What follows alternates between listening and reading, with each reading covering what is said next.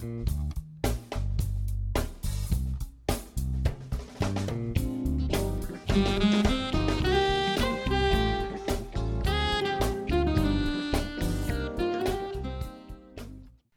svima, moje ime je Tijena Velemirov, a vi slušate podcast Svet freelansa. Današnja lekcija na temu šta bih voljela da sam znala pre nego što sam počela sa freelansom jeste lekcija broj 28 koja glasi Intervju može da prođe i bez velike treme.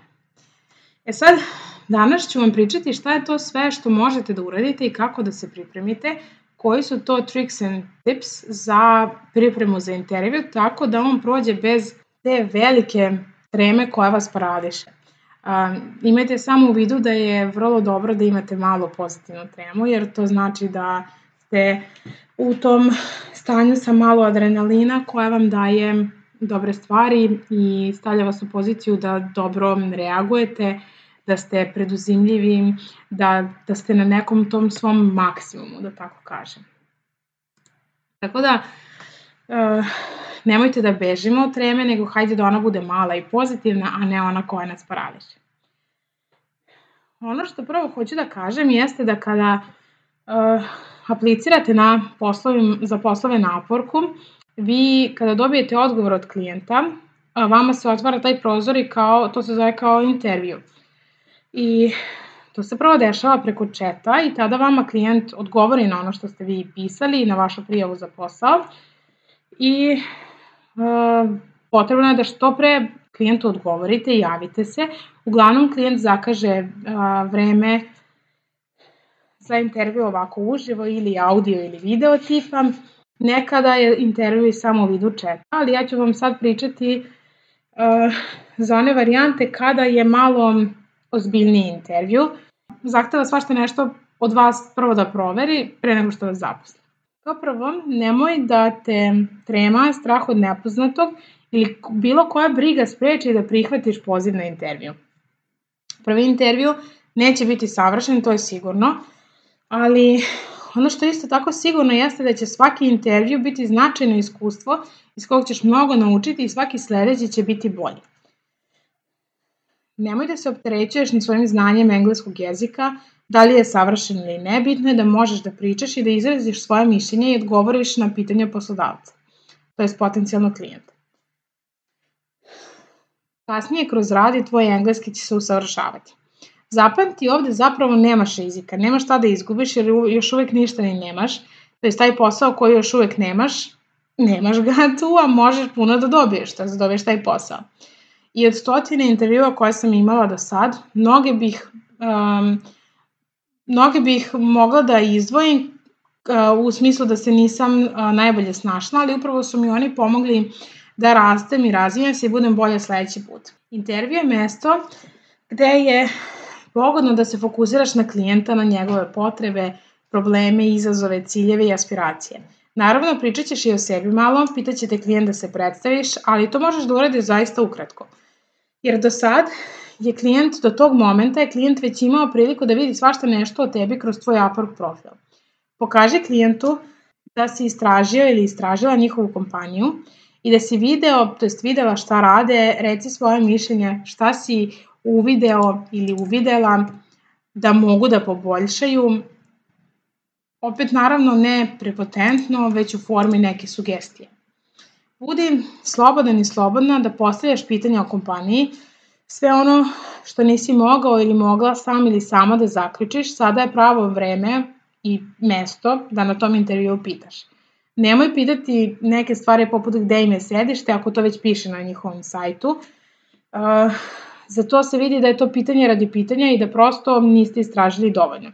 Postavi pitanja koja su mind provoking, koja pokazuju tvoju kreativnost i proaktivnost, da si već otišla otišao ili otišla korak dalje u konkretnom rešavanju klijentovih izazova. Dakle, pokaži im svoje sposobnosti razmišljanja i rešavanja problema i donošenja odluka i pokaži im da si spreman ili spremna da ideš ono extra mile, da ideš korak dalje i da daš i veću vrednost od onoga što očekuju.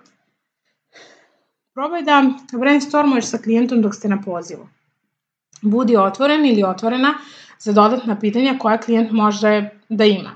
Pokaži da taj posao možeš da uradiš na drugačiji i bolji način od drugih freelancera i zašto bi baš ti bio poseban ili bila posebna, šta je to što drugačije nudiš. Ovo ne znači da treba da nudiš da radiš za džabe ili non stop, nego samo da ponudiš kvalitet u pravom smislu te reči.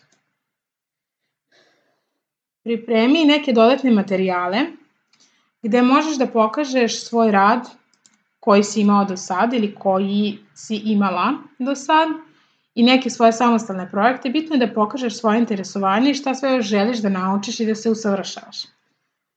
Uh, isto kao deo pripreme za intervju možeš da istražiš na Google najčešće pitanja koja se postavljaju na intervjuima generalno i snimi sebe kako odgovaraš na njih na engleskom po mogućnosti ili ih makar zapiši ili makar osmisli u glavi te odgovore. Uh, to će ti pomoći da se pripremiš i da si već negde to provežbao ili provežbala. A ovo sve, ovu pripremu detaljno radimo na mom programu i simuliramo i prosto vas stavljamo u te situacije kao da ste već na intervjuima. Takođe, ono što možeš da uradiš tokom intervjua je da predložiš klijentu trial period za recimo dve nedelje i mesec dana i to bi trebalo da bude plaćeno, nemoj da nudiš unapred da ćeš da radiš besplatno, kako biste imali priliku da vidite da li je saradnja dobra stvar za obe strane i da li odgovarate jedno drugome. Tu ukratko odmah možeš i da kažeš kako ti vidiš tu saradnju, kako bi mogla da započne i da pitaš klijenta za mišljenje i za njegovo viđenje saradnje. I ovde isto jako je bitno da proceniš šta su pain points klijenta, šta su problemi i da im ti već kažeš svoje mišljenje kako bi ti te probleme razrešio. Bitno je da pitaš klijenta šta želi da postigne, koja je najveća vrednost za njih i da ti kažeš da si ti upravo orijentisan ili orijentisana na to da uh, se ti izazovi prevaziđu tako da bi ti klijenta um, oslobodila vremena koje on provodi ili bi mu uštedela pare, uštedeo pare ili bi prosto doprinela u bilo kom drugom smislu, a da klijent to zaista vredne. Tako da eto, ovo su samo neki od saveta šta možeš da radiš kada imaš intervju i ako ovo pratiš definitivno ćeš se izdvojiti iz konkurencije i nema straha od neuspeha. Apsolutno će neki od intervjua upaliti, da tako kažem, i dobit ćeš posao ovakvim pristupom. I ovo je samo početak, jer pravi rad, trud i napor sledi tek kad otpočneš saradnju, ali o tome više na mom programu i kroz neke druge forme, tako da eto, ovo je, ovo je jedna mini priprema za taj korak od kojeg imate najčešće najviše treme, ali nadam se da sam sad to dovoljno prenela tako da znate da ne mora da bude sa tom velikom tremom. Toliko od mene za danas. Čuvamo se sutra. Ćao! Prijeve za moj online program Postani freelancer – traju do 19. decembra ove godine. Ako želiš da zarađuješ više, napreduješ brže, imaš fleksibilno radno vreme i stekneš finansijsku slobodu i nezavisnost, Postani freelancer online program je pravo mesto za tebe. Prijavi se do 19. decembra na www.tijanavelemirow.com online program stranici.